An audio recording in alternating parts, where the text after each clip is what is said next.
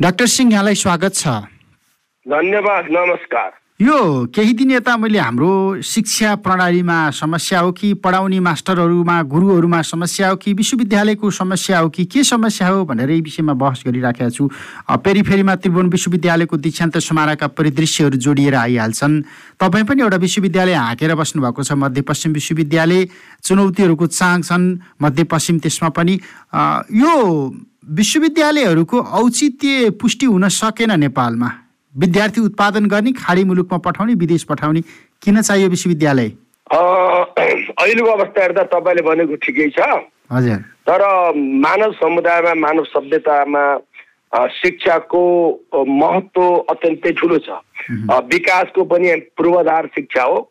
अब शिक्षा भएन भने कुनै पनि राष्ट्रको सम्बन्धित हुन सक्दैन।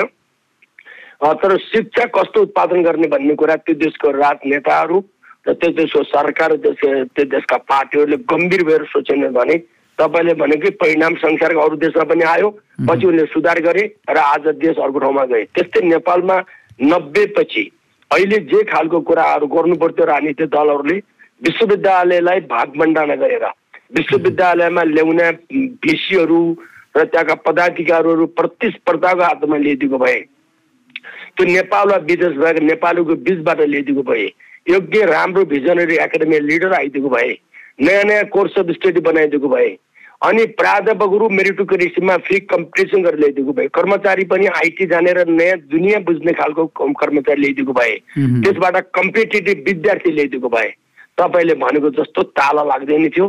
तपाईँले भनेको जस्तो फ्रस्ट्रेसनको बातहरू हुँदै थियो। तपाईँले भनेको जस्तो ती विद्यार्थीहरू अब महत्त्वपूर्ण कुरा के भने नेपाललाई चाहिने म्यान पावर कस्तो खालको चाहिन्छ त्यस्तो खालको कोर्स अफ स्टडी पाठ्यक्रम बनाएर अनुसन्धानमूलक इनोभेसन नवप्रवर्तनमा आधारित अनुसन्धान गरिदिएको भए के आज हामी संसारका कुनै पनि अरू देशभन्दा अगाडि जान सक्दैनथ्यौँ अरू देशको विश्वविद्यालयभन्दा अगाडि जान सक्दैनथ्यौँ प्रश्न चाहिँ यो हो। त्यसैले यो कुरा हामीले बुझेका छौँ। तर व्यवहारमा लागु गरेका छैनौँ। तर तपाईँले भनेकै कुरा अहिले आशा लाग्दो के छ भने भर्खरै तपाईँले अघि चाहिने उन्चासौँ त्रिभुवन विश्वविद्यालयको दीक्षान्त समारोहको कुरा गर्नुभयो। त्यो समारोहमा सम्मान्य प्रधानमन्त्री मेरो विश्वविद्यालयको कुलपति वा नेपालका विश्वविद्यालय कुलपति सम्मान्य प्रधानमन्त्री पुष्पकमल दाहालले एउटा कुरा भन्नुभएको छ। अब राजनैतिक भावण्डको आधारमा ल्याउने चाहिँ भिसीलाई अन्त्य गरौँ। त्रिभुवन विश्वविद्यालयबाट भागभण्ड होइन अब मेरिटोक्रेसीको आधारमा भिसीहरू ल्याउँ त्यो ल्याउनु लागि नेपाल वा विदेशमा रहेका नेपालीहरूले प्रतिस्पर्धा गर्न पाउने कुरा उहाँले पब्लिक हिसाबले घोषणा गर्नु भएको छ अब यो राष्ट्रिय सहमति भयो भने योग्य मान्छे आयो भने भिजनरी मान्छे आयो भने एक्सनमा जाने आयो भने अनि त्यसपछि राजनीतिक भागबन्ड मात्र होइन दलीय राजनीतिको चाहिनेमा रणभूमि जो विश्वविद्यालयको भन्न छ उहाँहरूका वैचारिक सङ्गठनहरू जो बनाएर विश्वविद्यालय चलाउनु कुरा भएको छ अब त्यो हुन्न भन्ने घोषणा गरेका दिन तपाईँले भनेको प्रश्नको उत्तर आउँछ भन्ने यहाँनिर यो अब यी त सबै प्रधानमन्त्रीका अभिव्यक्ति अथवा कुल कुलपतिका अभिव्यक्तिहरूका सन्दर्भमा त विगतदेखि वर्तमान भयो खुल्ला मञ्चमा अथवा कहीँ गएर यस्ता भाषणहरू गर्छन्। कानुनी दृष्टिकोणमा यी कुरा प्रभाव शून्य छन् भ्रम हुन् आजका मितिमा। त्रिवी ऐन दुई हजार उन्चासले यो व्यवस्था गरेको छैन कि ऐन संशोधन गर्नु पर्यो ऐन संशोधन तत्काल सम्भव छैन भन्दा यी कुराहरू त भ्रम भए राजनीतिक खपतका लागि मात्रै भए। व्यवहारिक रूपमा चाहिँ जाउँ कि? व्यवहारिक रूपमा चाहिँ हामी विश्वविद्यालयको अथवा हाम्रो शिक्षालाई कसरी प्रभावकारी बनाउने? शिक्षालाई प्रभावकारी गराउनको लागि मेरो लागि तिन चारवटा कुरा छन्। नम्बर वान कुनै पनि विश्वविद्यालयको प्रभावकारी गर्न लागि सबभन्दा पहिलो कुरा त्यो विश्वविद्यालयको आधारभूत इन्फ्रास्ट्रक्चर भौतिक पूर्वाधार चाहियो अब बस्ने विश्वविद्यालय बस्ने बिल्डिङ छैनन् कक्षा कोठा राम्रा छैन लाइब्रेरी छैन क्यान्टिन छैन खेल्ने ग्राउन्ड छैन भने त्यो विश्वविद्यालय विश्वविद्यालय हुनै सक्दैन। अहिले तराईका एक दुईवटा विश्वविद्यालयमा मैले भनेको सबै कुरा छैनन्। अनि विश्वविद्यालय किन खोल्ने त? नम्बर वान त्यसको भौतिक संरचना चाहियो राम्रोसँग। त्यसको लागि सरकारले बेसिक आधारभूत चाहिनेमा आर्थिक सहयोग गर्नु पर्यो। नम्बर दुई भौतिक संरचना भइसकेपछि अब त्यो एकाडेमिक एक्सिलेन्स शैक्षिक सम्बन्धित हुनु पर्यो शैक्षिक सम्बन्धको लागि अघि मैले भने कि एक्सिलेन्ट प्रोफेसरहरू एक्सिलेन्ट एडमिनिस्ट्रेटिभ स्टाफहरू र अनि राम्रा विद्यार्थी प्रतिस्पर्धामा ल्याउने कुरा गरियो भने अनि राम्रा प्रोफेसरहरू फोनका भरमा होइन नि उनको क्षमताको भरमा प्रतिस्पर्धा गरेर लिएर आउने हो भने ती विद्या ती प्राध्यापकहरूले अत्यन्तै राम्रो कुरा सिकाउँछन् नम्बर दुई नम्बर तिन अब महत्त्वपूर्ण कुरा के हो भने तपाईँले पाउने कोर्स अफ स्टडी कस्तो? एक्काइसौँ शताब्दीको अहिले अर्को भाषामा लेबर मार्केट ड्रिभन प्रोग्राम भन्छ एलएनडिपी नेपाली भाषामा भन्यो भने तपाईँले उत्पादन गरेका मान्छे शिवमूलक छ कि छैनन् हो कि होइन? उहुँ, त्यस्तो खालको कोर्स अफ स्टडी हामी कहाँ पढाउनु पर्यो पाठ्यक्रम? त्यो त्यो दस बाह्र वर्षमा चेन्ज नभएको पाठ्यक्रम पढाएर पुराना पढाएर डिग्री इङ्ग्लिसमा गर्छ अङ्ग्रेजीमा चाहिँ निमित्त लेख्न आउन्न। के। पढाएको हामीले। हामीले शिवमूलक ज्ञान भएन तेस्रो कुरा कोर्स अफ स्टडी हुनु पर्यो।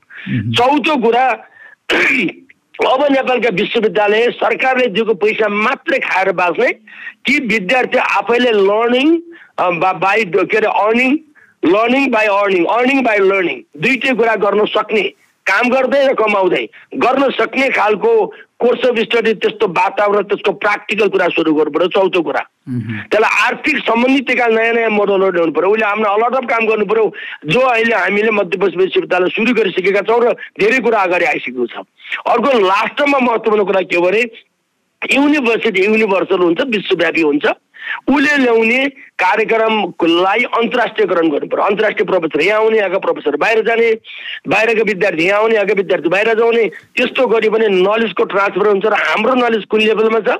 संसारका अरू देशको विश्वविद्यालय नलेज कहाँ छ भन्ने कुरा थाहा हुन्छ। यो कुरा गर्यो भने मात्रै एउटा विश्वविद्यालय भाइब्रेन्ट हुन्छ। त्यहाँबाट उत्पादित भएका चाहिने विद्यार्थीहरू नेपाली समाजको लागि मात्र नभएर अन्तर्राष्ट्रिय समुदाय पनि योग्य हुन्छन् भन्ने मेरो मान्यता हो यो कुरा अहिले छ कि छैन भनेर भनिदियो भने मैले भनेका कुराहरू धेरै कुरा यसमा कमी कमजोरी छन्। यसलाई पुरा गर्न सरकार तत्काल लाग्नुपर्छ राजनीतिक दलहरू लाग्नुपर्छ र नेताहरू यसमा गम्भीर हुनुपर्छ भन्ने मेरो आग्रह हो यो चार वर्ष झन्डै झन्डै तपाईँले नेतृत्व गरेको पनि भयो क्यारे होइन मध्यपश्चिम विश्वविद्यालय तिन वर्ष नौ महिना हुन लाग्यो। चार वर्ष झन्डै झन्डै बिचमा मोटामोटी आधी वर्ष तालाबन्दीमै बिताउनु भयो होला। विद्यार्थी त उत्पादन गर्नुभयो होला नि? माथि भनेकै जस्तो काम गर्नुभयो तपाईँले कि यो पनि आदर्शका मात्रै कुरा भयो अब? अब? अब के गरेँ भनेर भन्दा म आउने बित्तिकै नेपालमा एकाडेमिक क्यालेन्डर थियो नि युनिभर्सिटीमा पहिलो एकाडेमिक क्यालेन्डर पहिलो चाहिँ कोभिडमा सुरु गरेँ। दोस्रो एकाडेमिक क्यालेन्डर दोस्रो कोभिडमा सुरु गरेँ। तेस्रो एकाडेमिक क्यालेन्डर लास्ट इयरमा गरेँ। अहिले फोर्थ एकाडेमिक क्यालेन्डर गइरहेको छ। यो तिन चार वर्षमा अब वर्षको दुईवटा एक्जाम दिएर पैँतालिस दिनभन्दा अगाडि रिजल्ट निकाल्नका लागि हामीले सुरु गऱ्यौँ यो लागू गरिसक्यौँ। हाम्रो यो क्यालेन्डरलाई आधार मानेर युजिसीले नेसनल एकाडेमिक क्यालेन्डर पास पनि गरेको छ। हामीले बार बार युजिसीको चेयरम्यानले भनेको छ। अहिलेको चेयरम्यान आएपछि नेसनल एकाडेमिक क्यालेन्डर अरू विश्वविद्यालय पनि पास भएको छ। एउटा खुसीको कुरा हो। एकाडेमिक क्यालेन्डर लागू गरियो त्यो अनुसारको हाम्रो रिजल्ट अहिले आएको छ। धेरै इम्प्रुभ भएको छ। अब कोभिडको बेला सत्तरी यसवटा एक्जाम दियौँ अनलाइनमा गऱ्यौँ। एउटा कुरा भयो। दोस्रो कुरा मैले भने कि नयाँ कोर्स बनाएको छु। फोर्टी टु सिक्सटी चालिस पर्सेन्ट थ्योरी साठी पर्सेन्टको अप्लाइड हुने गरी नयाँ कोर्स स्टडी सुरु गरेको छ। अनि त्यो नयाँ कोर्स स्टडीमा सत्तरी प्रतिशत त्यो अन्तर्राष्ट्रिय वेटेज टेन प्रतिशत राष्ट्रिय वेटेज र ट्वेन्टी प्रतिशत स्थानीय वेटेज आदिवासी ज्ञान हुने खालको कोर्स स्टडी बनाइएको छ। यो भयो भने एउटा मान्छे के अरे श्रम बजारमा बिक्री हुनलाई स्थानीय श्रम बजार राष्ट्रिय र अन्तर्राष्ट्रिय श्रम बजार जानको लागि यो कोर्स स्टडी बनाइएको छ। यसका लागि दस पेजवटा मोड्युल मध्यपश्चिम विश्वविद्यालय बनाएको छ। अर्को कुरा मध्यपश्चिम विश्वविद्यालय सिएफसी कमन फाउन्डेसन कोर्स पन्ध्र क्रेडिट आवर ब्याचलर र नौ क्रेडिट डिग्रीलाई बनाएको छ। त्यसले एउटा योग्य मान्छे हुनुको लागि मोरल एडुकेसनदेखि आइटी र इङ्ग्लिसदेखि तपाईँको प्रपोजल लेख्नेदेखि यस्ता कुराहरू हालेर हामीले नयाँ मोडल र अनि नयाँ कोर्स स्टेटमा ट्वेन्टी फाइभ पर्सेन्टभन्दा माथि इनोभेटिभ कोर्स स्टडी राख्ने। त्यो कोर्स स्टडी मार्फत विद्यार्थीहरूले फिल्डमा जाने एउटा प्रोग्रेसिभ एक्जाम प्रोग्रेसिभ टिचिङको नयाँ मोडल सुरु गरेका छौँ। अहिले हामीले दुई स्टार जतिको होटेल अनि स्विमिङ पुल अनि आएर तिनदेखि चार करोडको अहिले चाहिनेमा हामीले हर्बलको ल्याब त्यसमा साबन र तेल उत्पादन गर्ने टेस्टिङ मलिकुलर ल्याब अनि आएर बायोडाइभर्सिटी र क्लाइमेट चेन्जको ल्याबहरू सेटअप गरिसकेका छौँ हेर्न सक्नुहुन्छ आएर। अनि मध्यपश्चिम विश्वविद्यालय हामी आएको चार वर्षमा भौतिक हिसाबले आँखाले देख्न सक्ने आमूल परिवर्तन कक्षा कोठाहरू वेल कार्पेटेड तपाईँको मल्टिमिडिया अनि टोयलेटहरू तेह्र किसिमको तेह्रवटा चिजहरू राख्यो भने अत्याधुनिक टोयलेट प्राइभेट भन्दा राम्रो सरकारीमा टोयलेट बनाएको छु। योभन्दा तपाईँलाई गजब लाग्ला। हेरिदिनु भयो भने सजिलो हुन्थ्यो यहाँ आएर। अनि विद्यार्थीको रामघाटमा आकर्षण चाहिँ के छ फेरि? 152 मह्म। एक सय बाहन्न बिघाको रामघाटमा कृषि सुरु गरी विद्यार्थी आफैले उत्पादन गरेर बिक्री गर्दैछन् अस्ति भर्खरै दस बाह्र लाखको फुलहरू देशभरि प्रचार भयो थाहा पाउनुभयो त्यो हाम्रै विद्यालय उत्पादन गरेको यी सबै कुराले गर्दा मैले छोटोमा यति भने भौतिक संरचना हेर्न लागेको छ यी सबै कुरा हेर्दाखेरि तपाईँले भनेकै जस्तो तपाईँको नेपालको पुरानो ट्रेडिसन भन्दा हामीले ट्रेडिसनलाई ब्रेक गरेका छौँ र शैक्षिक क्षेत्रमा हाम्रो पर्यटनको नयाँ आयाम सुरु गरेका छौँ भन्ने हामीलाई लाग्छ। अनि विद्यार्थीको आकर्षण चाहिँ किन भएन त? सुर्खेतमा पढ्न छोडेर काठमाडौँ अथवा पोखरा धाइराखेका देखिन्छ विद्यार्थीहरू। विद्यार्थी रोक्न त सकिएन नि त। स्थानीय विद्यार्थीहरूलाई चाहिँ आकर्षित गर्नुपर्ने होइन। तपाईँले भनेको कुराको उत्तर हामीले डेटाबाट दिनुपर्छ। अरूले के भन्यो भनेर होइन। म आउँदा मध्यपश्चिम विश्वविद्यालयमा सात हजार पाँच सय विद्यार्थी सङ्ख्या थियो। अहिले मध्यपश्चिम विश्वविद्यालयमा तेह्र हजार विद्यार्थी सङ्ख्या छ। त्यसो हेर्नुभयो भने तपाईँले भनेको कुरा म्याच हुन्न। अनि नम्बर वान नम्बर दुई अब दुर्गमबाट सुगमतिर जाने गाउँबाट सहरतिर जाने अलि धन सम्पत्ति भएकाले राम्रो ठाउँमा पढ्ने वा देशभन्दा बाहिर जाने त अलिक रोग छँदैछ अलि पैसा भएका अलिकति चाहिने पैसा नभएर श्रम लेबर गरेर म इन्डिया पढ्छु भन्ने पनि छन्।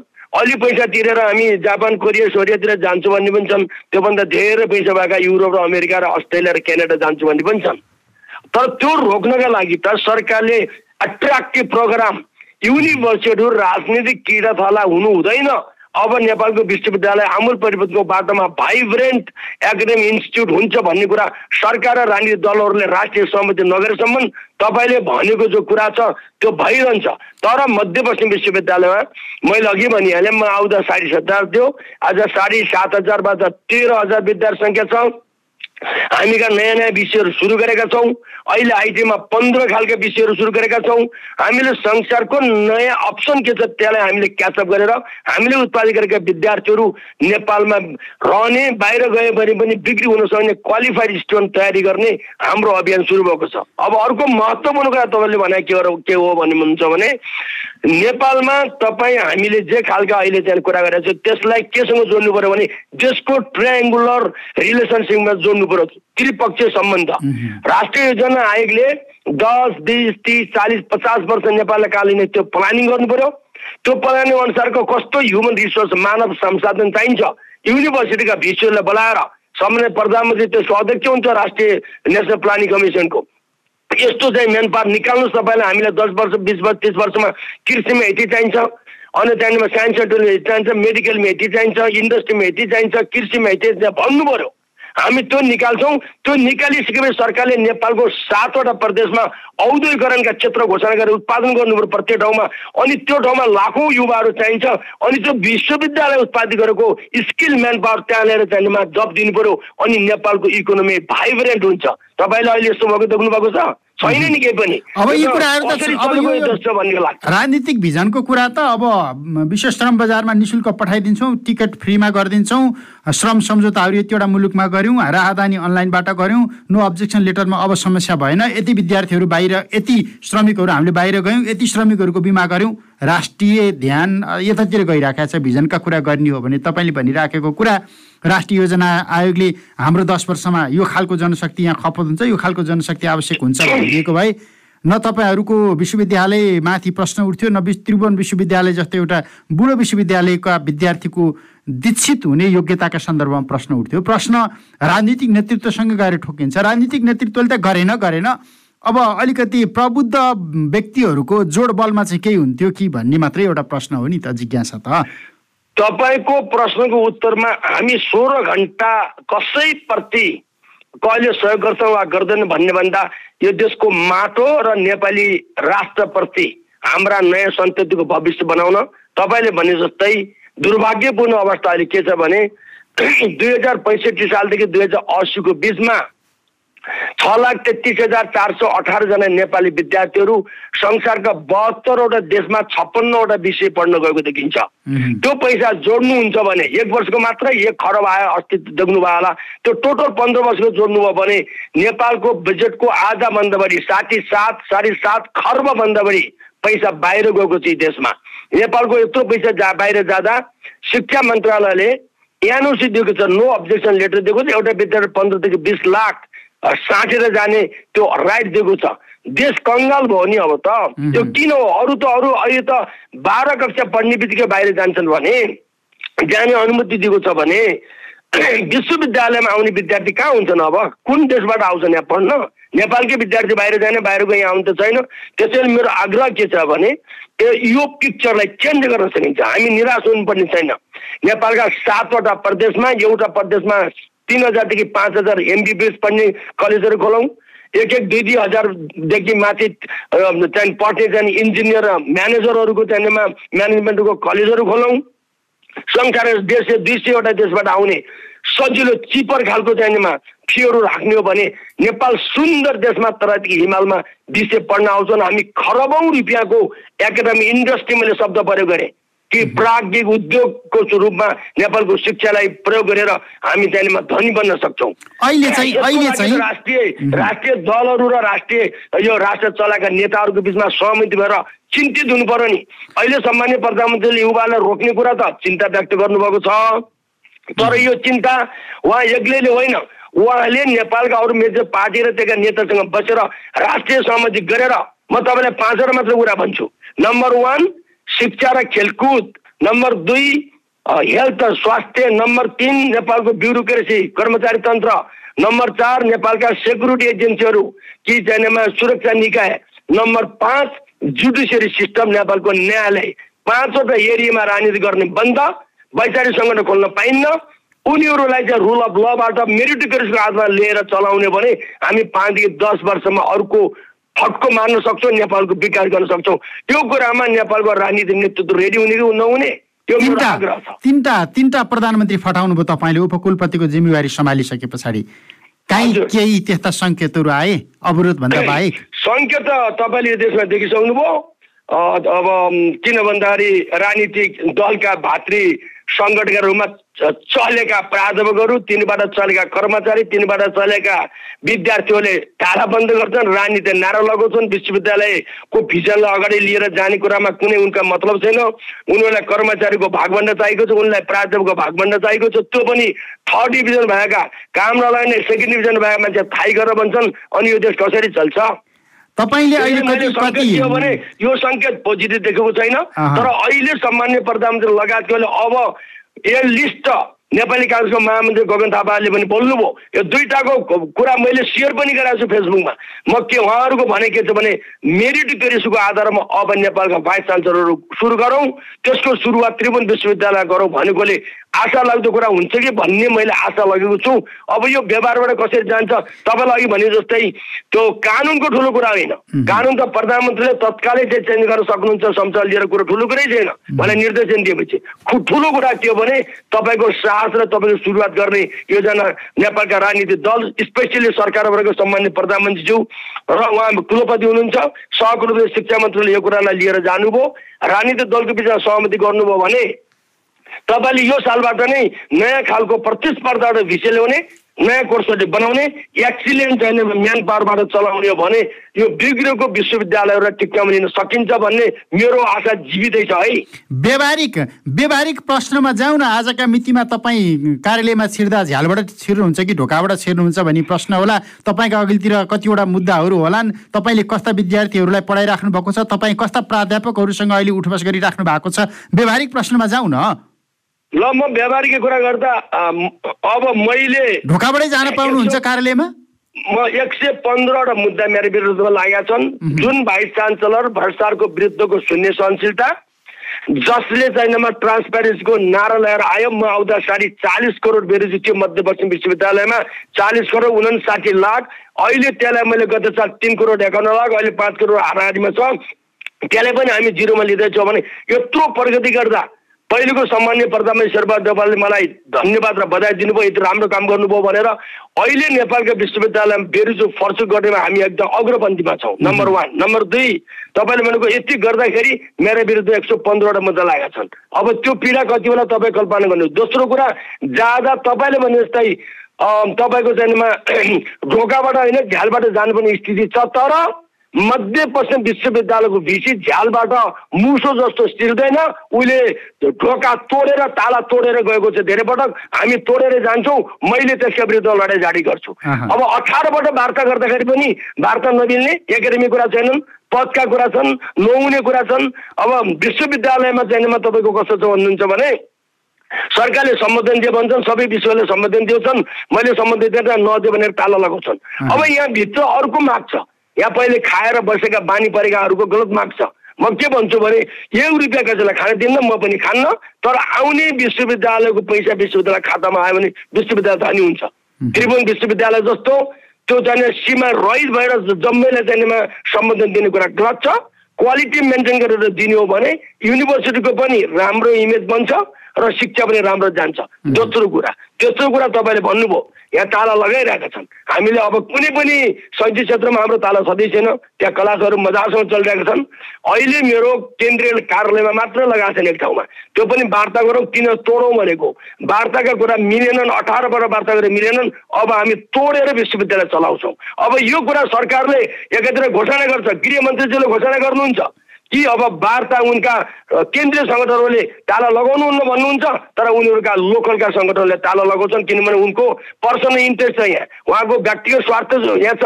तर यहाँ सरकारले त्यतिखेर त्यसलाई रोको भन्दा माथिबाट फोन आएर सरकारका यहाँको जानेमा प्रशासनले पनि राम्रोसँग काम गर्न नसक्ने स्थिति जो छ कम्प्लिटली यो राजनीतिसँग जेलिएको प्रश्न भएकोले अफ प्रश्न प्रब्लमहरू नेपालका भिसीले फेस गर्नु परेको छ। तर म आग्रह गर्छु प्रशासनले हाम्रो ठाउँमा काम गरोस् र गलत काम गर्ने मान्छेले तह लगाएर गइएन भने नेपालको शिक्षा ठाउँमा जान्न भन्ने मेरो मान्यता हो। तपाईँको यो बिचमा तपाईँको भनाइ सुन्दाखेरि सुर्खेत आसपासका क्षेत्रमा कतिवटा निजी कलेजहरूलाई असर गर्यो भन्ने प्रश्न आउँछ होला नि। यहाँ सात हजार पाँच सयबाट तेह्र हजारको तथ्याङ्क दिइराख्नु भएको छ। तपाईँले अहिले पनि भुक्तानी गरिराखेको पालिराखेका प्राध्यापकहरू ती निजी कलेजहरूमा आबद्ध थिए होलान्। ती विद्यार्थीहरू जो सङ्घर्ष सङ्घर्ष गरे हुन्छन् तिनले निजी कलेजका लागि विद्यार्थी आकर्षित गर्थे होलान्। अब यी तथ्याङ्कहरू चाहिँ के छ तपाईँसँग? तपाईँले भनेको कुरा बडो रिलेभेन्ट छ तपाईँले मैले के चाहिँ विज्ञापन सूचना पनि दिएको छु भने दुई ठाउँमा पढाउनु पाउन्न। थाईको केसमा भन्दैछु थाई टिचरले ठाउँमा पढाउनु पाइन्न त्यो इलिगल हुन्छ। र तपाईँले सेल्फ डिक्लेरेसन गर्नुहोस् कारवाही गर्नुभन्दा अगाडि मैले भनेर भनेको छु धेरैले आफ्नो नाउँ दिएका छैनन् लुकाएर राखेका छन्। अब हामीले बुझेको छौँ यहाँ वरिपरि त्रिभुवन विश्वविद्यालयका अरू विभिन्न ठाउँका प्राइभेट कलेजका चाहिनेमा सम्बन्ध लिएर चलाउँदाखेरि यिनीहरूलाई त्यो प्राइभेट कलेज चलाएर यहाँको प्राध्यापक मध्यपश्चिम विश्वविद्यालय प्राध्यापक हुने। तर यहाँ चाहिँ दस पर्सेन्ट टाइम दिने नब्बे पर्सेन्ट टाइम उनको आफ्नो प्राइभेटमा दिने। तिनीहरू नै विद्यार्थीलाई उठाएर राति चाहिँ एक ठाउँमा बसेर विद्यार्थीलाई केही गर्ने गलत खालको काममा लगाउने अनि बिहान विद्यार्थी र आफू आएर ताला लगाउने। त्यस्तो खालको परम्परा छ। कारण के हो भने अब प्राइभेट कलेजको अगाडि विश्वविद्यालय राम्रो भने विद्यार्थी सङ्ख्या यहाँ आउँछ भनेर उनीहरूले चाहिँ सम्बन्धन पनि दिन नदिने। अनि नयाँ नयाँ प्रोग्राम त्यो प्रोग्राम लागू गर्नु पनि नदिने र विश्वविद्यालय ताला लगाउने अनि ती विद्यार्थी कहाँले नै भन्दाखेरि आफ्नो ठाउँमा लग्ने र आफूले चाहिँ प्राइभेटको सम्बन्ध लगेर चलाउनु हुने। त्यस्ता खालका मैले नामै दिइदिन्छु नि अलिक किन भन्नु हे? त्यो ठाउँमा पढाउने यहाँका तथाकथित सङ्गठनका अध्यक्षहरू अब यहीँ कुन सङ्गठनका अध्यक्ष नबनाऊ त्यहाँका नेताहरू अनि उनीहरूले चलाउनु उसले मलाई कसले के गर्छ भन्छ? तिनीहरूले काठमाडौँ गएर कार्यालय मेरो विरुद्ध मुद्दा हाल्छन्। काठमाडौँ गएर कुनै नेताले प्रयोग गरेर मेरो विरुद्ध मुद्दा हाल्छन्। तर प्रधानमन्त्रीज्यूका जाँदा उपकुलपतिले भेट्न पाउन त्यस्ता दलाली काम गर्ने टिचर गएर मात्रै उनीहरूले त्यहाँका जान प्रधानमन्त्रीको कार्यालयमा गएर गलत सूचना दिएर भिसीलाई प्रधानमन्त्रीसँग भेट्ने कुरा रोक्छन्। यो देश कसरी चल्छ ल तपाईँ भन्नु न? अनि मैले यो पिक्चर रियालिटी हो। यो रियल पिक्चर मैले बुझेको पिक्चर मैले तपाईँलाई बताएँ। यस्तो पिक्चर भइरहेको बेलासम्म नेपालका विश्वविद्यालय कहाँ छन् भन्नुहोस्। यहाँका लोकल अस्ति राजनीतिक दलहरूलाई यहाँका सबै राजनीतिक दललाई बोलाएर छलफल गराए भिजिट गराए उहाँहरूले यस्तो भाइस चान्सलर चाहिन्छ। हामीले यस्तो भाइस चान्सलर फेरि पनि चार वर्षलाई चाहिन्छ भनेर मञ्चमै बोले पन्ध्रवटा राजनीतिक दल र यहाँका सबै चाहिने लोकल चाहिने लिडरहरूले प्रदेश र जिल्लाका तर एउटा राजनीतिक दल बाहेकहरू सबै आए। उहाँहरूले त्यस्तो बोले। यसबाट के बुझिन्छ भने विश्वविद्यालयको विषयले मेरो टिमले म मेरो टिम भन्छु कति काम गरेको छ भन्ने कुरा फिल्डमा आएर हेर्दा हुन्छ। तर यो काम देखेर जिलसी भएर यो मान्छे पपुलर हुन्छ भन्ने तरिकाले यो टिम पपुलर हुन्छ भन्ने तरिकाले अहिले मध्यपश्चिम विश्वविद्यालय भिसेर त्यसका विरुद्ध निश्चित धेरै होइनन्। दुई तिनजना टिचर चार पाँचजना जो प्राइभेटमा पढाएको छन् पाँच छजना। दुई चारजना विद्यार्थीहरूले ताला लगाएको छन्। हामी वार्ताबाट समाधान गर्न चाहन्छौँ माने भने मानेन भने हामीले तोडेर जान्छौँ अब। सरकारलाई आग्रह छ गृह मन्त्रीलाई आग्रह छ। कि यो ताला लगाउनुहुन्न तोड्नुपर्छ भन्ने गृहमन्त्रीज्यूले। यहाँ ताला लगिरहँदा यो किन दिएन? यहाँको प्रशासनले यहाँको सिडिओ लगायतको यहाँको प्रशासनले किन जानकारी दिएन? अब हामी प्रशासनको चिठी लेखेर तत्काल हामी तोड्ने कुरा गर्छौँ। होइन वार्ताबाट मिल्दैन भने तोड्छौँ। अठार पटक अठार पटक भनेको कम होइन। अठार पटकसम्म वार्ता गर्दा उनीहरूको वार्ता मिल्ने इन्टेन्सन छैन। भिसीले बढी काम गर्यो भिसीको कामलाई रोक्नुको लागि तालो लगा भन्छन् अरे। अब यस्तो खालको तरिकाले तपाईँ कसरी देश अगाडि चलाउन सक्नुहुन्छ? अन्त्यमा अब लगभग समय सकिएको छ। सुर्खेत विशेष गरी कर्णाली प्रदेश त्यो बाटोमा सुत्केरी हुन नसकेर हस्पिटल पुग्न नसकेर बाटोमै स्टेचरमै बच्चा पाइराखेका तस्विरहरू आउँछन्। सिटामुल खान नपाएर मृत्यु भएको सन्दर्भ पछिल्लो समयमा जाजरकोटको भूकम्प पछाडिका आएका ती परिदृश्यहरूका बिचमा तपाईँले धेरै ठाउँमा आइटी आइटी आइटी आइटी भन्नुभयो। प्रविधिको व्यवस्थापन चाहिँ कसरी गरेको छ यो विश्वविद्यालयले अन्त्यमा संक्षेपमा? बडो राम्रो प्रश्न गर्नुभयो। म आउँदाखेरि तपाईँले देख्नु भएको छ कर्णाली नेपालको सबैभन्दा दुर्गम प्रदेशमा चाहिँ पर्छ। यसमा यसले करिब करिब तेइस प्रतिशत नेपालको टोटल भूभाग ओगट छ जनसङ्ख्या हिसाबले सोह्र सत्र लाख छ। तर एरिया ठुलो हुँदा विभिन्न डाँडाहरूमा काँडाहरूमा विभिन्न उकाली ओह्राली भ्यालीहरूमा ठाउँ ठाउँमा खोजहरूमा बस्ती बस्नुपर्ने हुँदा त्यहाँ घटना घट्दाखेरि गाह्रो हुन्छ। आइटीको चाहिँ कनेक्टिभिटी भयो भने सजिलो हुन्छ भन्ने मेरो मान्यता थियो। त्यो कनेक्टिभिटी कसरी गर्ने त? इलेक्ट्रिसिटी बिना त हुँदैन होला। तर अहिले के छ भने गाउँ गाउँमा तपाईँको लोकल रिसोर्सहरू प्रयोग गरेर लोकल तपाईँको चाहिनेमा के अरे सोलर प्यानलहरू प्रयोग गरेर ठाउँ ठाउँमा इन्टरनेट छन्। हामीले स्मार्ट मोबाइलहरूबाट पहिलो पटक नै हामीले असी नब्बे पर्सेन्ट विद्यार्थीलाई अनलाइनमा ल्यायौँ र फिजिकल भन्दा अनलाइनको राम्रो भयो। त्यसरी सत्तरीसवटा इक्जाम लाग्यौँ। त्यसपछि हामीले एउटा प्रोजेक्ट सुरु गऱ्यौँ। मध्यपश्चिम विश्वविद्यालयलाई फुल्ली डिजिटलाइज गर्ने। पन्ध्रवटा आइटीका कम्पनीबाट डाक्टर संविधान आचार्य जो एल युनिभर्सिटीमा आइटीमा पिएचडी गर्नुभएको छ मिटिङ पोइन्टले यो कुरा पाएर मध्यपश्चिम विश्वविद्यालय ERPS enterprise resource planning system अन्तर्गत होल आइटीको डिजिटलाइजेसन गर्ने कुराको जिम्मा दिउँ उहाँका दुईजना माथिको नेतृत्व दुईवटा लिडर प्लस अठाइसजना चाहिँ आइटी इन्जिनियरहरूले एक वर्षदेखि डेढ वर्ष काम गरेर अहिले कम्प्लिटली साउथ एसियाको पहिलो डिजिटल युनिभर्सिटी मध्यप्रदेश विश्वविद्यालय बनाइसकेको छ। अब हाम्रा डेटाहरू अपलोड भएको छन्। तेह्र हजारमा त नौ हजार विद्यार्थीको डेटाहरू त अपलोड भइसकेको छ। लाइब्रेरीदेखि लिएर टिचिङ फ्याकल्टी स्टुडेन्ट कर्मचारीको सुरु हुँदैछ। हामी अब एक डेढ वर्षपछि पेपरलेस युनिभर्सिटी घोषणा गर्छौँ। अहिले हामीले पेपरलेस बनाउने डिजिटलाइजेसनको घोषणा गर्दैछौँ। एक महिना पछि घोषणा गर्दैछौँ। कम्प्लिट भएको छ। अब यो बिचमा हामीले कनेक्टिभिटी गर्न गाह्रो छैन। अरूले गरे पनि हामीले यो पुष्टि गरिसकेका छौँ। हाम्रो विश्वविद्यालय जुन स्टेजमा अहिले पुगेको छ अरू विश्वविद्यालय यो लेभलको सेटअप गर्न अझ उहाँलाई दुई तिन वर्ष लाग्छ किनभने सिस्टम बनाउनै गाह्रो छ। सोह्र घन्टाभन्दा बढी व्याख्या गर्ने रोबस्ट इआरपी सिस्टम सेटअप गरेका छौँ। अब हामी यो खालको आशा लाग्दो वातावरण भयो भने हाम्रो प्रशासन एडमिनिस्ट्रेसन हाम्रो एकाउन्टिङ सिस्टम हाम्रा सबै कुरा अनलाइनमा हुन्छन्। तर हामी अनलाइन युनिभर्सिटी होइनौँ। तर कोभिडले हामीले सिकाएको के हो भने तिमी रेडी भएर जा बस आइटीलाई प्रयोग गर। कन्टेन्ट पेडागोजी र आइटीको प्रयोग गरेर अत्याधुनिक टिचिङ सिस्टम गर भनेकोले हामीले त्यो सुरु गरेको छौँ। यो सकिसकेको भएकोले तपाईँको प्रश्नको उत्तरमा म के भन्छु भने हामी सफल भइसकेका छौँ। अब यसलाई लागू गरेर अगाडि जान्छौँ भन्ने लाग्छ मलाई। हुन्छ समय संवादका लागि धन्यवाद। शुभेच्छा धन्यवाद। तपाईँले मध्यपश्चिम विश्वविद्यालयका विचारहरू जनताको बिचमा लिने जुन सुअवसर प्राप्त प्रदान गर्नुभयो तपाईँ र तपाईँको टिमप्रति हामी कृतज्ञता ज्ञापन गर्दछौँ।